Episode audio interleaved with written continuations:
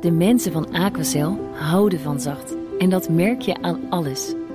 Dankzij hen hebben we nu echt zacht water en een kalkvrij huis. Voor hun klanten zijn ze zacht. Dat zijn ze trouwens ook voor elkaar. Voor ons zijn zij de kracht van zacht. Aquacel. 100% zacht water, 100% kalkvrij. BNR De Wereld. Blik op Europa.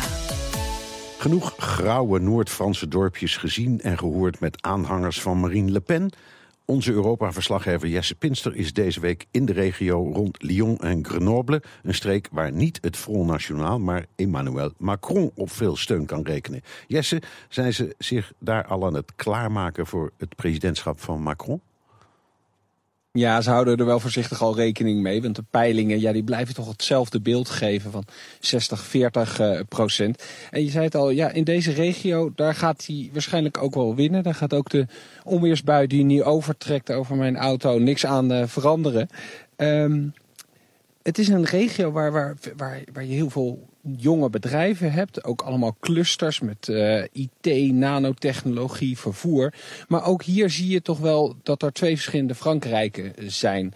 Er zijn natuurlijk hier in de Alpen allemaal kleine dorpjes die steeds kleiner worden. Die niet meer de arts hebben die daar vroeger wel woonden. Uh, daar hoor je toch wel meer verhalen van dat er steun voor Le Pen is. En ik reed eerder deze week ook door de Beaujolais-streek. En dan zie je nou, nog steeds dat er veel wijn verbouwd wordt. Maar je ziet ook steeds meer stukken grond die omgeploegd zijn, waar vroeger wijn verbouwd werd en waar nu eigenlijk niet zoveel meer gebeurt. Dus als je goed kijkt, dan zie je ook in deze regio toch wel twee verschillende Frankrijk. En in de grote steden, moet Macron daar nog steeds zijn best doen om stemmen te winnen? Nou, uh, die gaat hij uiteindelijk wel krijgen, maar die steden zijn eigenlijk nog een stuk linkser dan Macron is. Als je rondkijkt in Grenoble, dan rijdt iedereen daar op een hippe racefiets rond en eet zijn burgertjes in een nog hipper burgertentje. En in Lyon, nou daar heb ik ook uh, de echte radicale linkse jongeren ontmoet die met spuitbussen nog lekker tekeer gaan op bushokjes. Dat zijn echt nog aanhangers van Mélenchon, de radicaal linkse kandidaat die toch ook bijna 20% van de stemmen haalde bij de eerste ronde. Die heeft het hier in Grenoble, waar ik nu ben, gewonnen van, uh, van Macron. En ik was dus eerder deze week op 1 mei tijdens alle demonstraties, Dag van de Arbeid in Lyon. En daar hoorde je heel veel anti-Macron slogans. En ja, het dilemma wat zij hebben, dat werd wel aardig verwoord door deze vrouw die ik daar sprak. We, we, are, in we are in France between a guy, Emmanuel Macron, is with uh, the ca capitalism, and uh, this other woman, Marine Le Pen, who is a fascist. Ja, en die linkse stemmers die willen het liefst thuis blijven, maar als ze dan moeten kiezen tussen een fascist of een kapitalist, dan kiezen ze dan toch maar voor Macron, of in ieder geval een deel van die aanhang. Dus uh, ja, de meeste stemmen gaat hij wel halen. Ja, ja je, je vertelde dat je een aantal bedrijven hebt bezocht in die regio. Hoe kijken de mensen daar aan tegen de verkiezingen?